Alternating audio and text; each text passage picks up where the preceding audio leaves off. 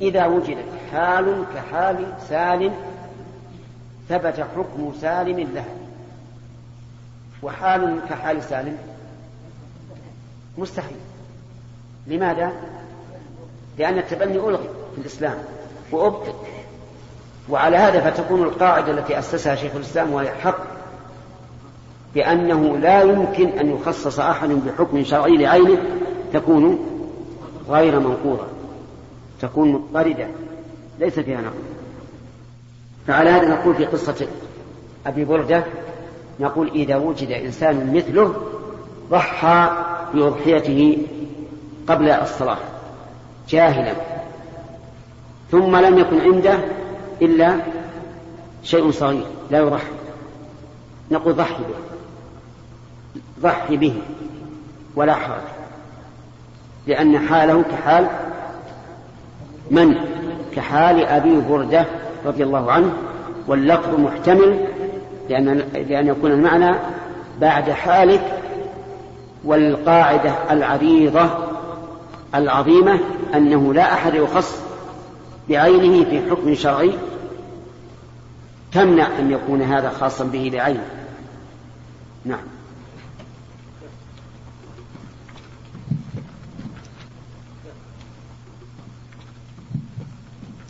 هذا صحيح؟ نقول خلاص.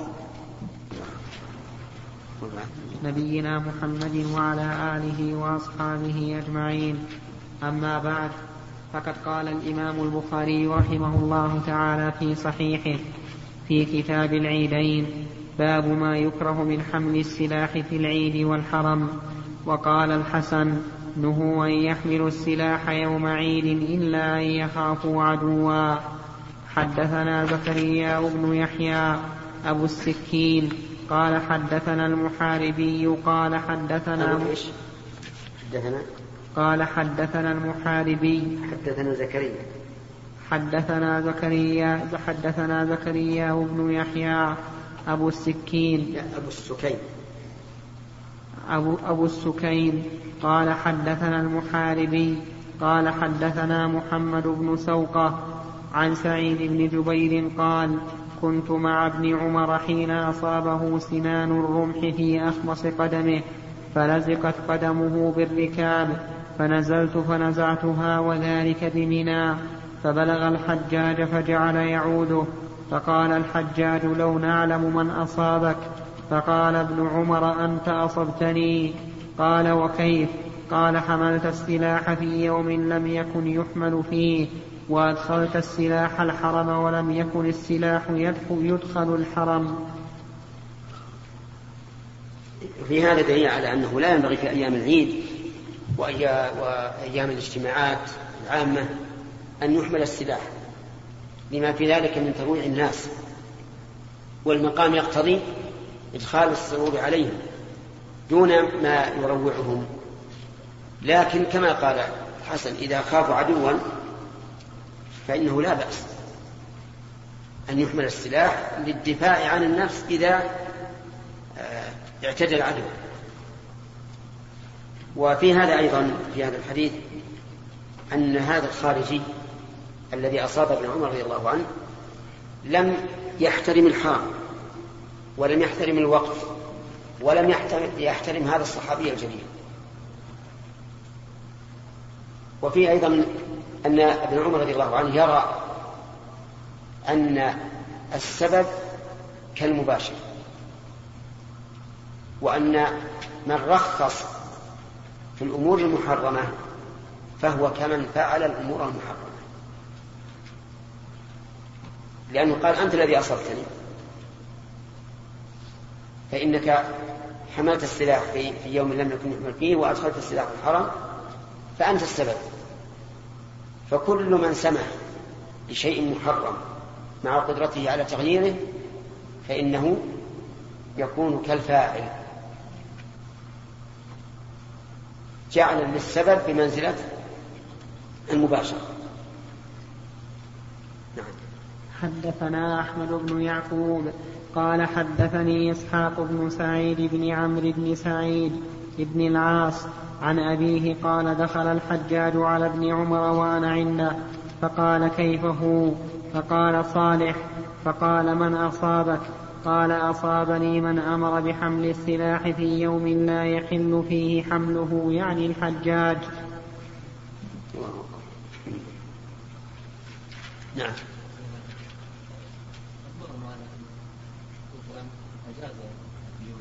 إيش؟ من؟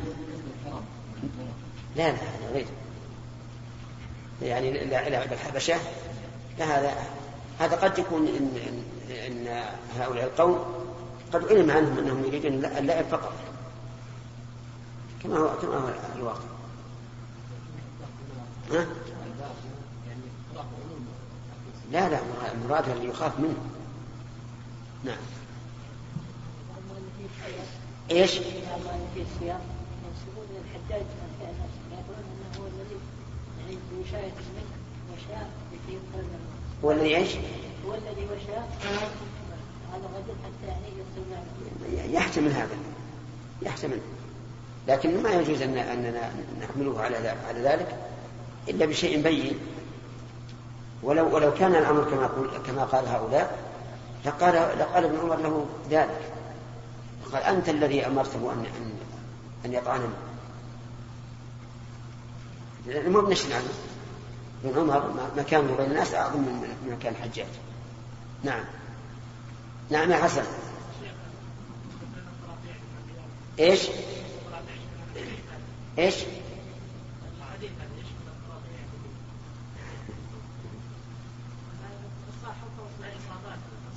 يقول هل يشمل هذا الطراطيع الطراطيع هي سلاح. لا لا. ما يشمل لكن لا شك أن منعها واجب لأنها تؤذي الناس تزعجهم. أحيانا الإنسان يريد أن ينام ما يستطيع النوم.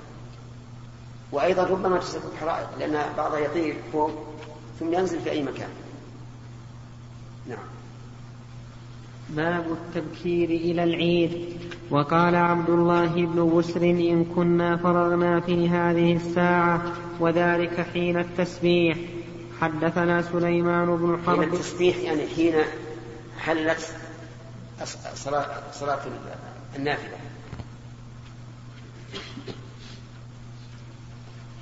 وليس يريد بذلك الصلاة التي تعرف بصلاة التسبيح. فإن صلاة التسبيح هذه حديثها باطل كما قال الشيخ الإسلام ابن رحمه الله. وقال إنه لم يستحبها أحد من الأئمة. فهي فالحديث غير صحيح والعلماء الأئمة لم يعملوا بها ولم يستحبوها نعم. حدثنا سليمان بن حرب قال حدثنا شعبة عن زبيد عن الشعبي عن البراء أنه قال خطبنا النبي صلى الله عليه وسلم يوم النحر قال إن أول ما نبدأ به في يومنا هذا أن نصلي ثم نرجع فننحر فمن فعل ذلك فقد أصاب سنتنا ومن ذبح قبل أن يصلي فإنما هو لحم عجله لأهله ليس من النسك في شيء. فقام خالي أبو بردة بن نيار فقال يا رسول الله أنا ذبحت قبل أن أصلي وعندي قبل أن أصلي وعندي جلعة خير من مسنة. قال اجعلها مكانها أو قال اذبحها ولن تجزي عن ولن تجزي جذعة عن أحد بعدك عن أحد بعدك.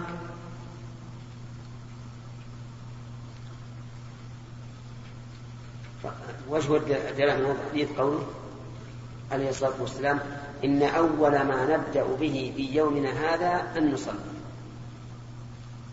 يدل على أنه بكر لأن النبي صلى الله عليه وسلم لا يخلو وقته من عبادة. فإذا كان هذا أول ما يبدأ به دل على أنه إيش؟ بكر بذلك وإلا لاشتغل بعبادة, بعبادة أخرى. نعم. باب فضل العمل في أيام التشريق. وقال ابن عباس واذكروا الله في أيام معلومات أيام العشر والأيام المعدودات أيام التشريق. وكان ابن عمر وأبو هريرة يخرجان إلى السوق في أيام العشر يكبران ويكبر الناس بتكبيرهما. وكبر محمد بن علي خلف النافلة فضل العمل في أيام التشريق. أيام التشريق هي ثلاثة بعد عيد الأضحى. وسمي أيام التشريق لأن الناس يشرقون اللحم فيها بمعنى أنهم ينشرونه في الشمس لئلا يفسد. وهي الأيام المعدودات التي قال الله تعالى فيها واذكروا الله في أيام معدودات وأثر عمر أثر ابن عمر وأبي هريرة أنهما يخرجان إلى السوق في أيام العشر يكبران ويكبر الناس بتكبيره. يحتمل أنه إذا كبر أعاد الناس التكبير بصوت جماعي.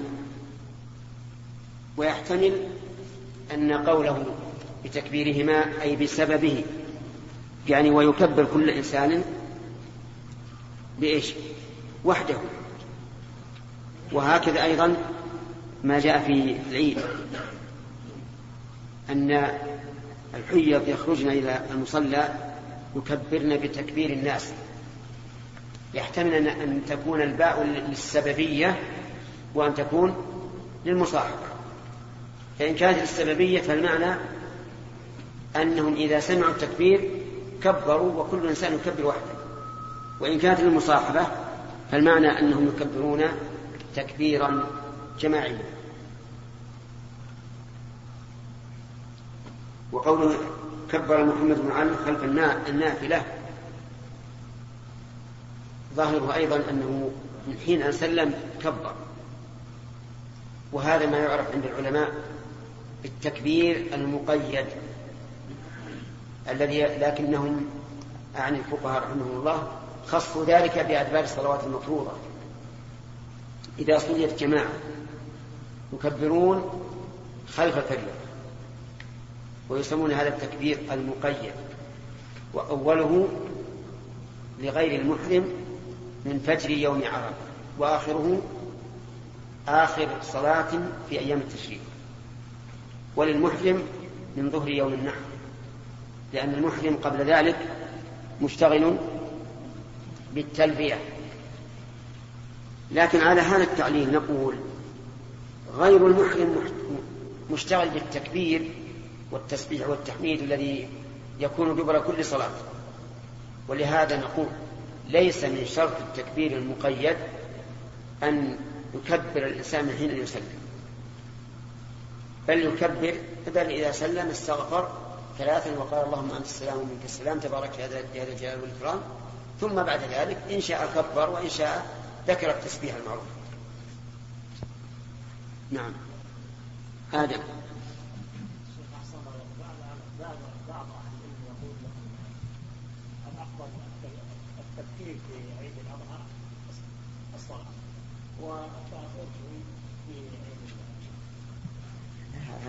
جاءت به السنة. كان الرسول عليه الصلاة والسلام يؤخر في عيد الفطر ويبكر في عيد الأضحى. والحكمة في ذلك هو أن عيد الفطر أوله يكون لدفع الفطرة. فناسب أن يتأخر الإمام في الحضور ليتسع الوقت للناس. في عيد الأضحى ما هناك فطرة تدفع للمساكين المساكين لا ينتفعون إلا باللحوم لحوم الأضاحي. وهذا يقتضي أن نبادر بذلك من أجل أن ينتفعوا بها. فصارت فصار تقديم تعجيل الأضحى وتأخير الفطر مناسبا للحكمة نعم. نعم. كيف على مدار السنة؟ يعني إذا دخل مصلى العيد في غير غير يوم العيد هل هو دخله للجلوس؟ إن دخل الجلوس نقول صل. لكن مصلى العيد نعم. إذا كان مثلا صلى عيد الفطر حسنه في في في جانب. وقالوا يصلي السنة الثانية في الجانب الآخر. معنى انتهت انتهى كونه مسجدا انتهى أن يكون مسجدا. إلا إذا كان من نيتهم أنهم يعودون إليه مرة ثانية وبقي محترما على أنه مسجد. أبدا. ما جاء إذا جاء يجلس. إذا جاء يجلس. نعم يا سليم.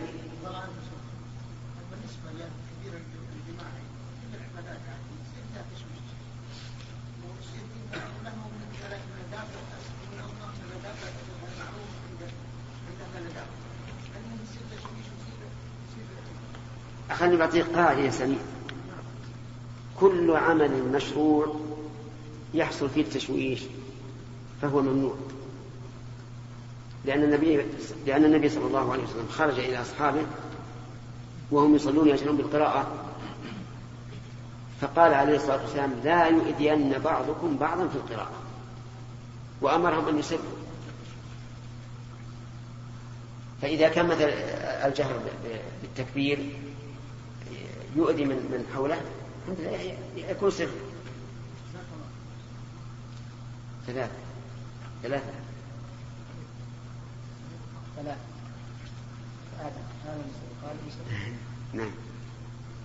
نعم قال حدثنا محمد بن عرعرة قال حدثنا شعبة عن سليمان عن مسلم عن مسلم البطين عن سعيد بن جبير عن ابن عباس عن النبي صلى الله عليه وسلم أنه قال ما العمل في أيام العشر أفضل من العمل في هذه؟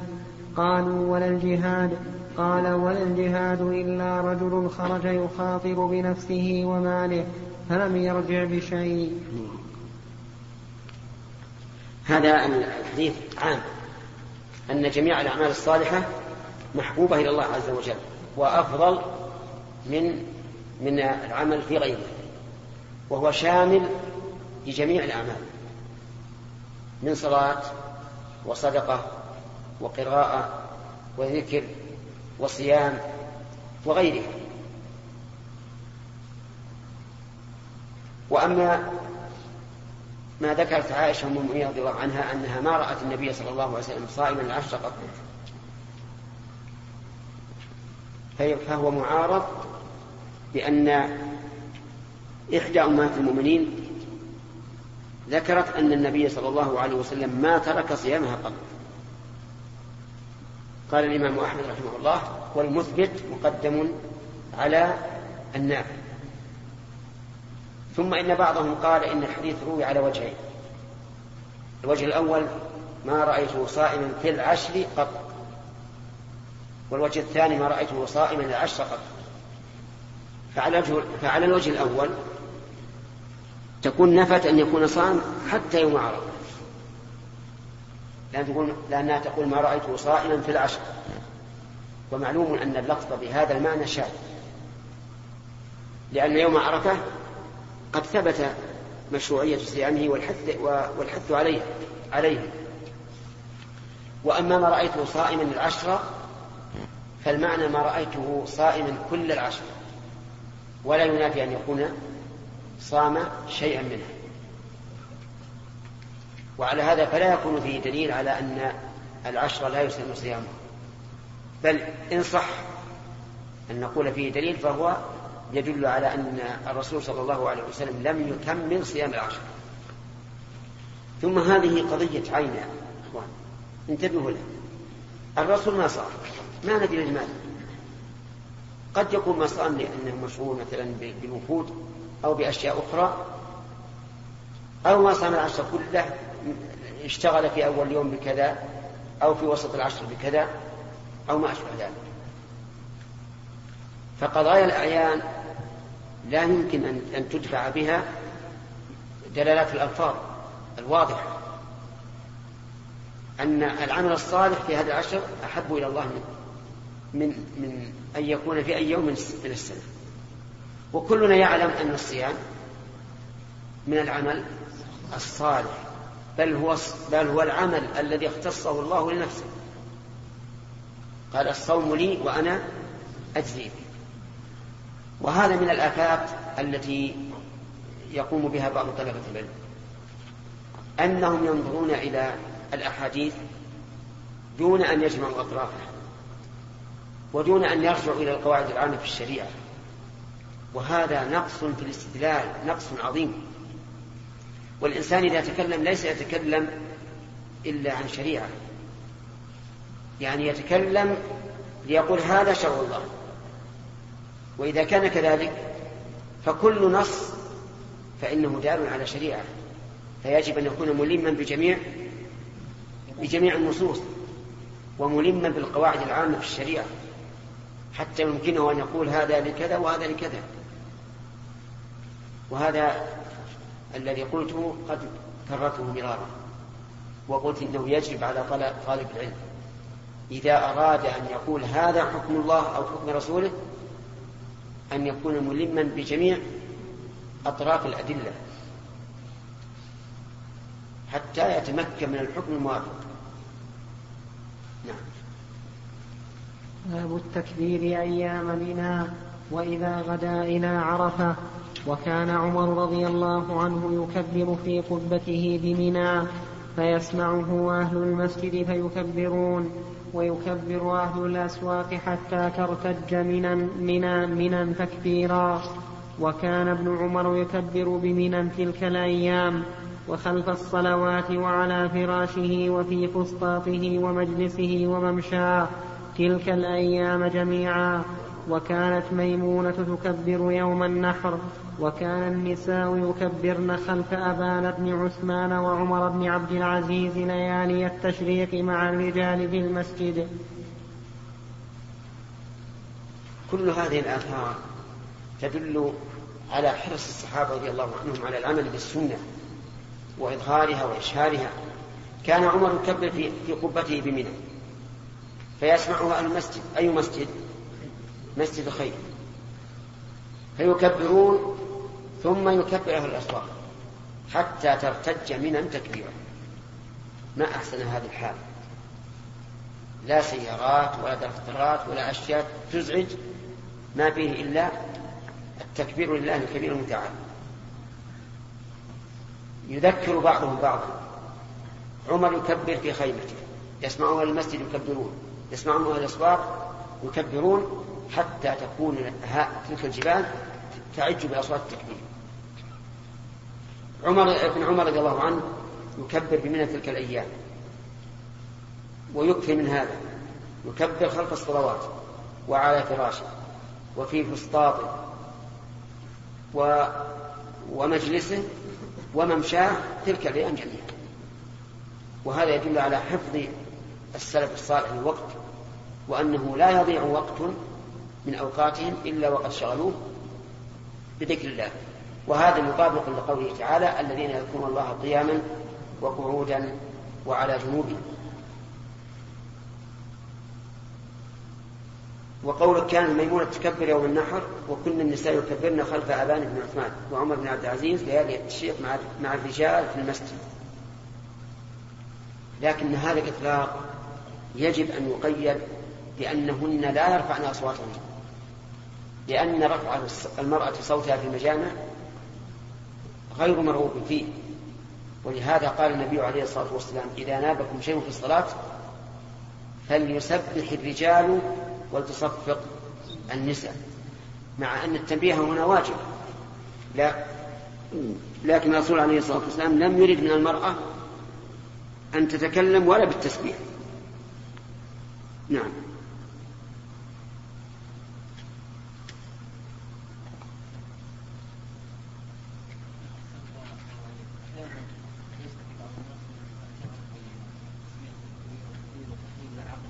نعم. فهل إيش؟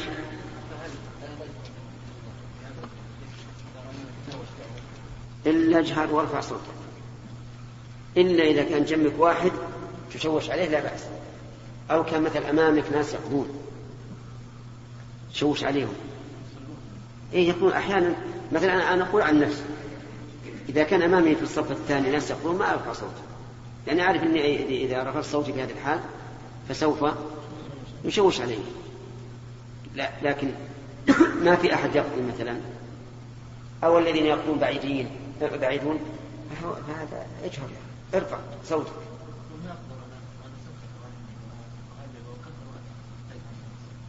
كيف؟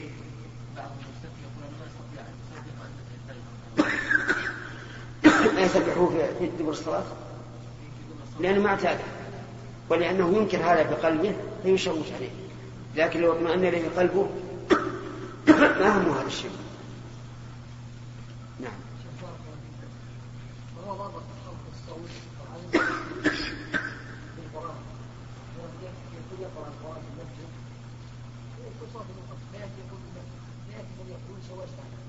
ويرى أن صوته إلا بعض الناس بعض الناس له صوت جهوري إذا رفع صوته ما كان في المسجد حتى غيره هذا يشوش الصحابة لما النبي صلى الله عليه وسلم فقال لا يجب بعضكم على بعض القراءة نعم. يعني هل كانوا رافعين أصوات؟ إي نعم رافعين أصواتهم نعم. لكن عاد رفع كامل؟ ما أظن. الإنسان يعرف. يحكم من الواقع. إذا رأى حوله ناس يصلون لا يجهر أحيانا مثلا أنت جالس تقرأ القرآن. يجي واحد يصرف جنبك. معلوم تشوش عليه لو تنشر. يرفع صوتك. نعم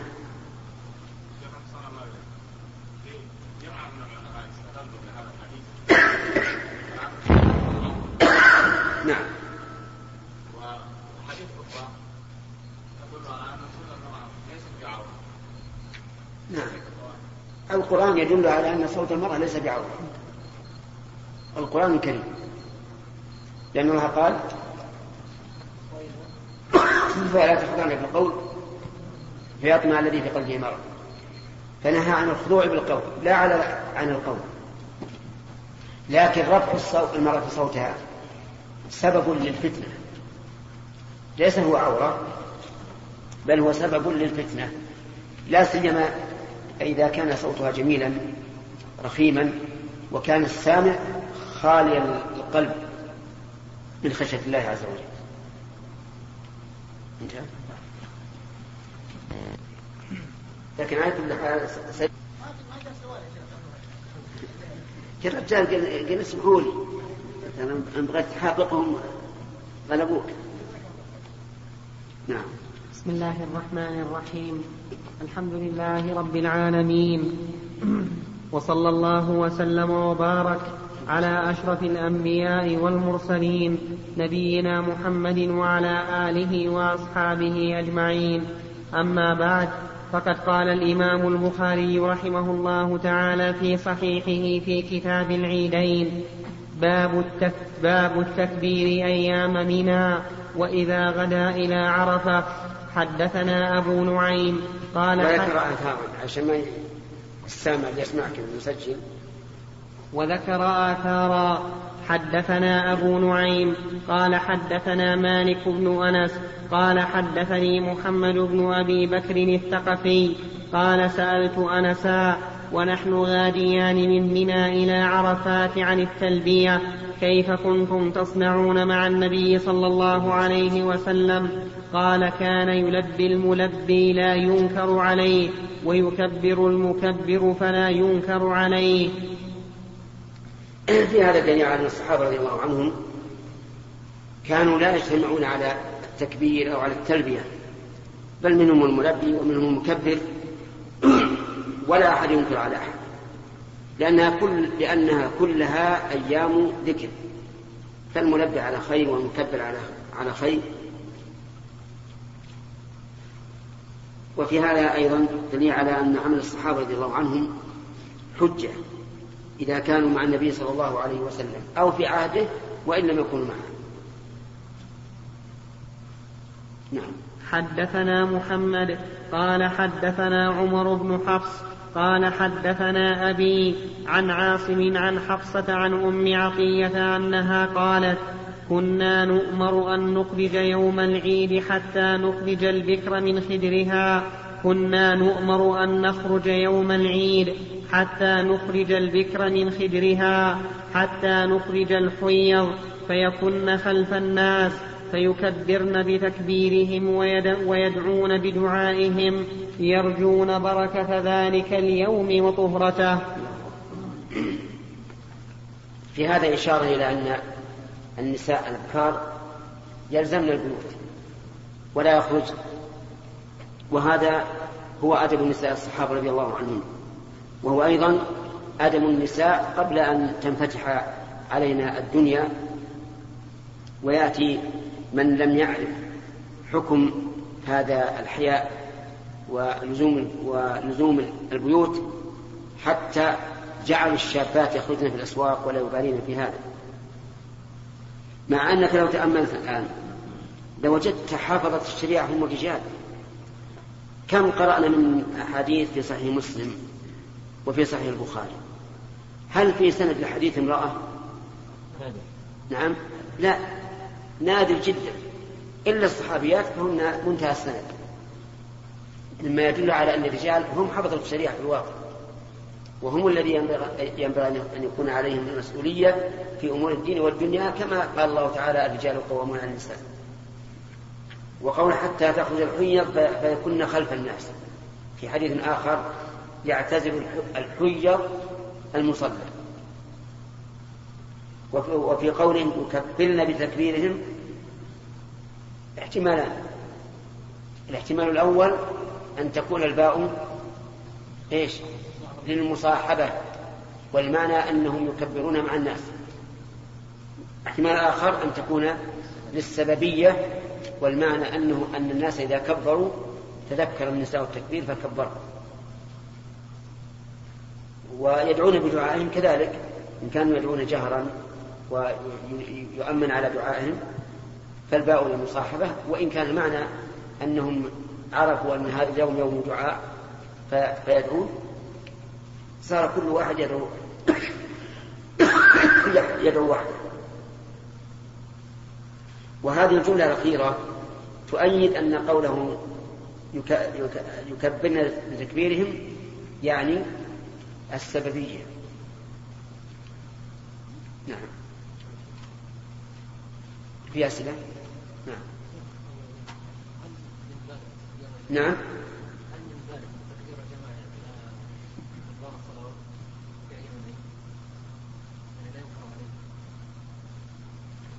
التشديد في الإنكار ما أظنه سائغا للاحتمال.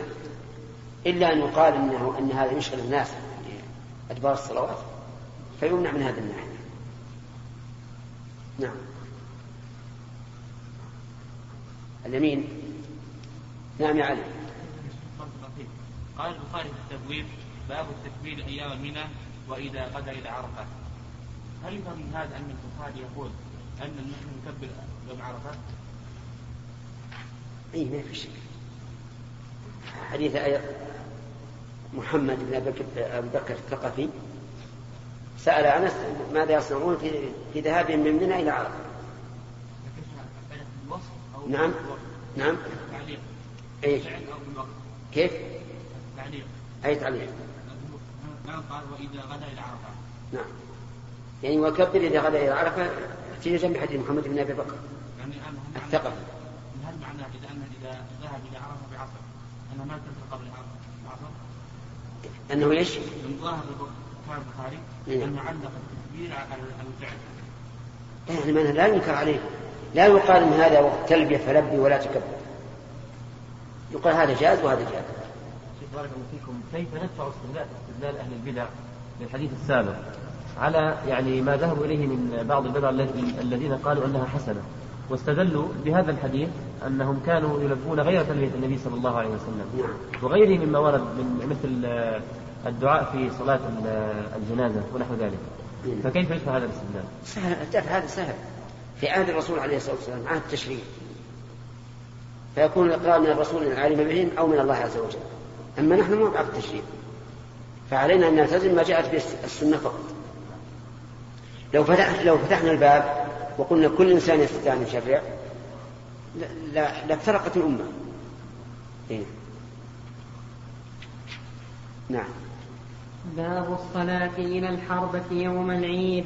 حدثنا محمد بن بشار قال حدثنا عبد الوهاب قال حدثنا عبيد الله عن نافع عن ابن عمر أن النبي صلى الله عليه وسلم كان تركز الحربة قدامه يوم الفطر والنحر ثم يصلي.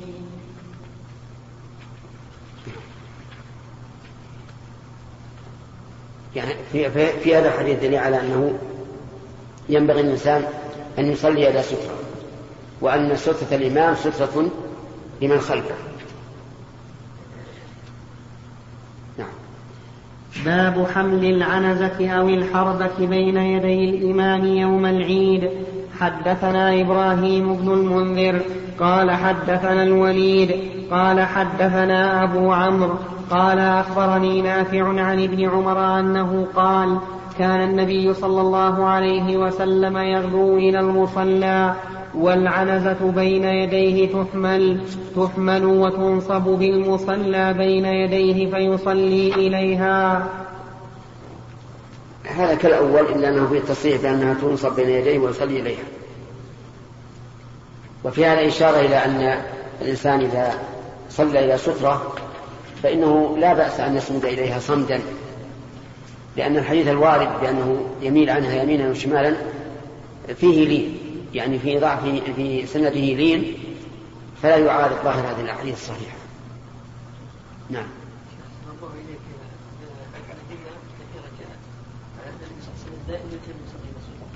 إيش؟ جاءت أدلة كثيرة. نعم. أن النبي صلى الله عليه وسلم كان يصلي سترة نعم. دائما نعم. فماذا يعني؟ ما هو قول الذين يقولون بعدم وجوب الصلاة إلى سترة؟ أولا مجرد الفعل لا يدل على على الوجوب. لكن في أمر الرسول عليه الصلاة والسلام قال يستتر أحدكم ولو ولو لكن في أحاديث ظاهرها تعارض هذا مثل قول ابن عباس إنه أتى إلى منى النبي صلى الله عليه وسلم يصلي بالناس إلى غير جدار قال العلماء معناه إلى غير سترة.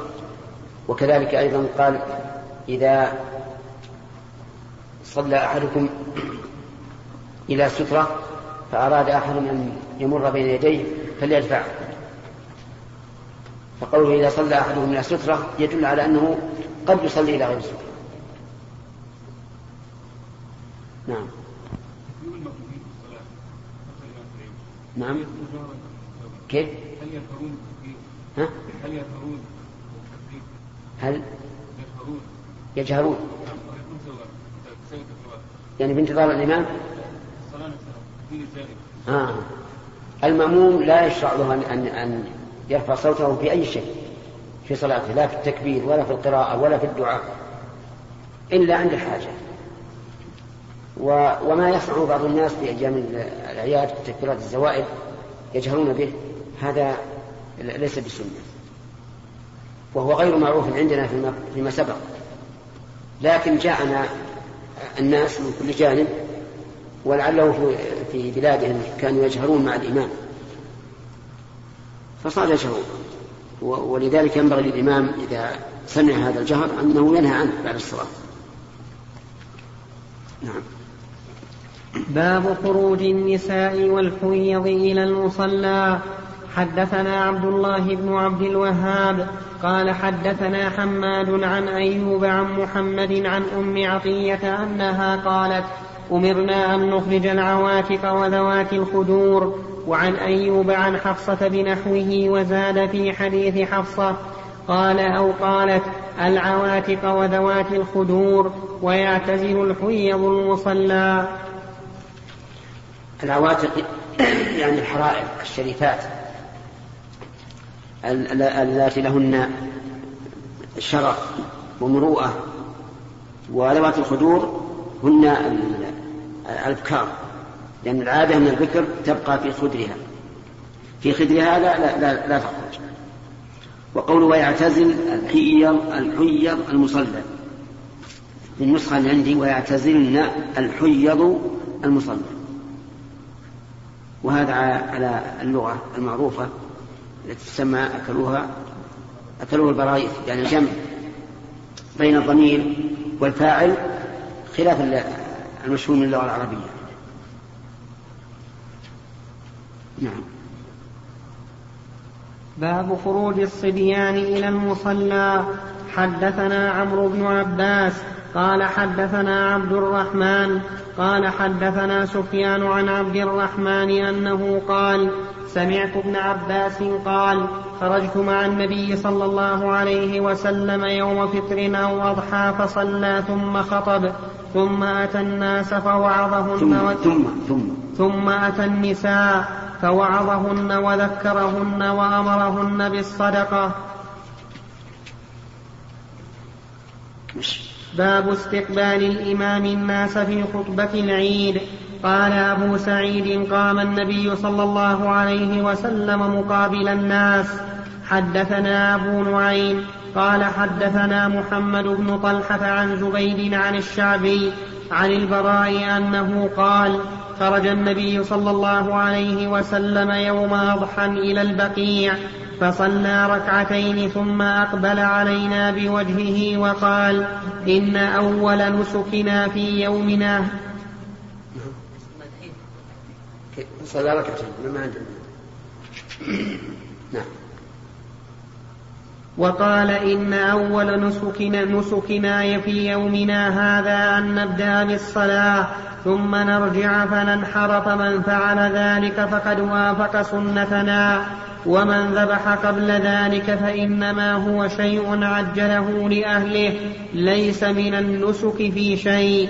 فقام رجل فقال يا رسول الله إني ذبحت وعندي جذعة خير من مسنة قال اذبحها ولا تفي عن أحد بعدك. القائم من؟ أبو بردة بن نيار سبق. باب العلم الذي بالمصلى. حدثنا مسدد.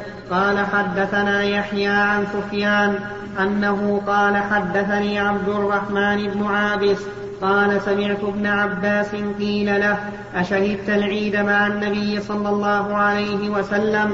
قال نعم ولولا مكاني من الصغر ما شهدته حتى أتى العلم الذي عند دار كثير بن الصلب فصلى ثم خطب ثم أتى النساء ومعه بلال فوعظهن وذكرهن وأمرهن بالصدقة فرأيتهن يهوين بأيدي بأيديهن يقذفنه في ثوب بلال ثم انطلق هو وبلال. سم. نعم. ثم انطلق هو وبلال إلى بيته. شوف الترجمة؟ العلم. باب العلم الذي بالمصلى تقدم في باب الخروج إلى المصلى بغير منبر التعريف التعريف بمكان بمكان المصلى وأن تعريفه بكونه عند دار كثير بن الصلت على سبيل التقريب للسامع وإلا فدار كثير بن الصلت محدثة بعد النبي صلى الله عليه وسلم. وظهر من هذا الحديث أنهم جعلوا لمصلاه شيئا يعرف به وهو المراد بالعلم وهو بفتحتين الشيء الشاخص.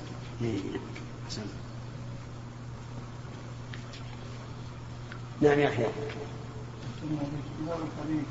نعم. في هذا الحديث عبد الله بن عباس يقول دون مكان من الصغر ما تهد نعم. وقال عنوان سائل في باب الخروج بالصبيان إلى المصلى نعم. يعني يفهم من هذا يعني يفهم من هذا أن الصغير يخرج إلى المصلى نعم. لو النساء إلى المصلى فتنه فهل؟ لا.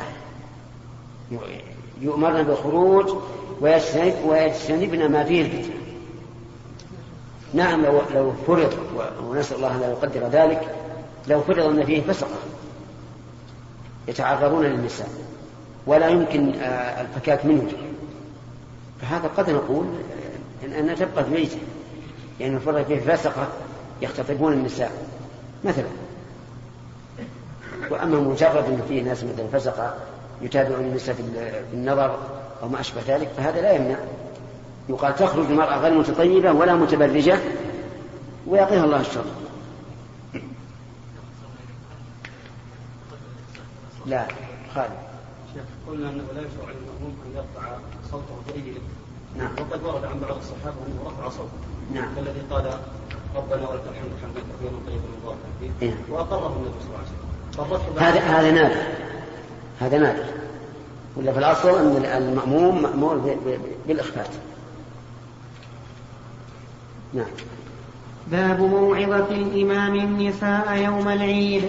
حدثني إسحاق بن إبراهيم بن نصر. قال حدثنا عبد الرزاق قال حدثنا ابن جريج قال أخبرني عطاء عن جابر بن عبد الله أنه قال سمعته يقول قام النبي صلى الله عليه وسلم يوم الفطر فصلى فبدأ بالصلاة ثم خطب فلما فرغ نزل فأتى النساء فذكرهن وهو يتوكأ على يد بلال وبلال باسط ثوبه يلقي فيه النساء الصدقة قلت لعطاء زكاة يوم الفطر؟ قال لا. زكاة يوم؟ ز... قلت لعطاء زكاة يوم الفطر؟ قال لا. ولكن صدقة يتصدقن حينئذ تلقي فتخها ويلقين.